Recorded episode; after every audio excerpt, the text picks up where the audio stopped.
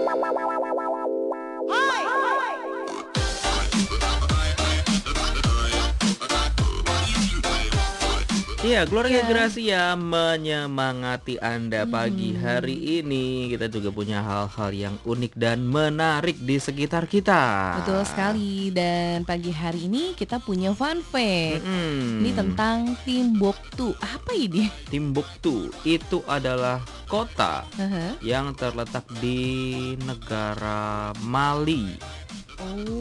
Dan kota ini ada di cerita Donald Bebek kalau nggak salah. Kemarin dibahas sih soalnya.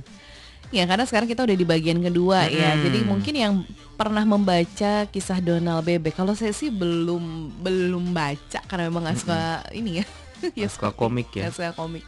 Pasti mungkin tahu ya Chloe Gracia dan eh, komik ini membawa kita berpetualang ke berbagai penjuru dunia. Mm. Misalnya dengan tujuan mencari harta karun ya.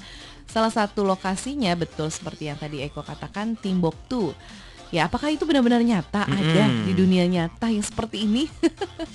Ternyata Timbuktu itu pernah berjaya menjadi kota emas di awal tahun 1300-an setelah resmi menjadi milik Kekaisaran Mali. Dan pada tahun 1500-an mengalami zaman keemasan yang banyak melahirkan cendiakawan yang kaya akan ilmu pengetahuan. Namun masa kejayaan Timbuktu berakhir ketika dikuasai oleh pasukan Maroko pada tahun 1591.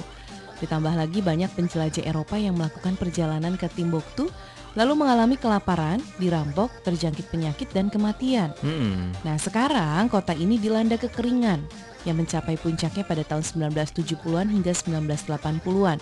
Kekeringan bukan satu-satunya ancaman, mereka juga berjibaku dengan kemiskinan, ekstremis dan juga kerawanan pangan. Nah, karena memang eh, wilayahnya ini berada di dekat dengan gurun ya keluarga Gracia. Kayak bukan- mencekam banget ya bukan- keadaannya ya. Iya, bukan tanah yang subur kayak di Hmm, Indonesia gitu.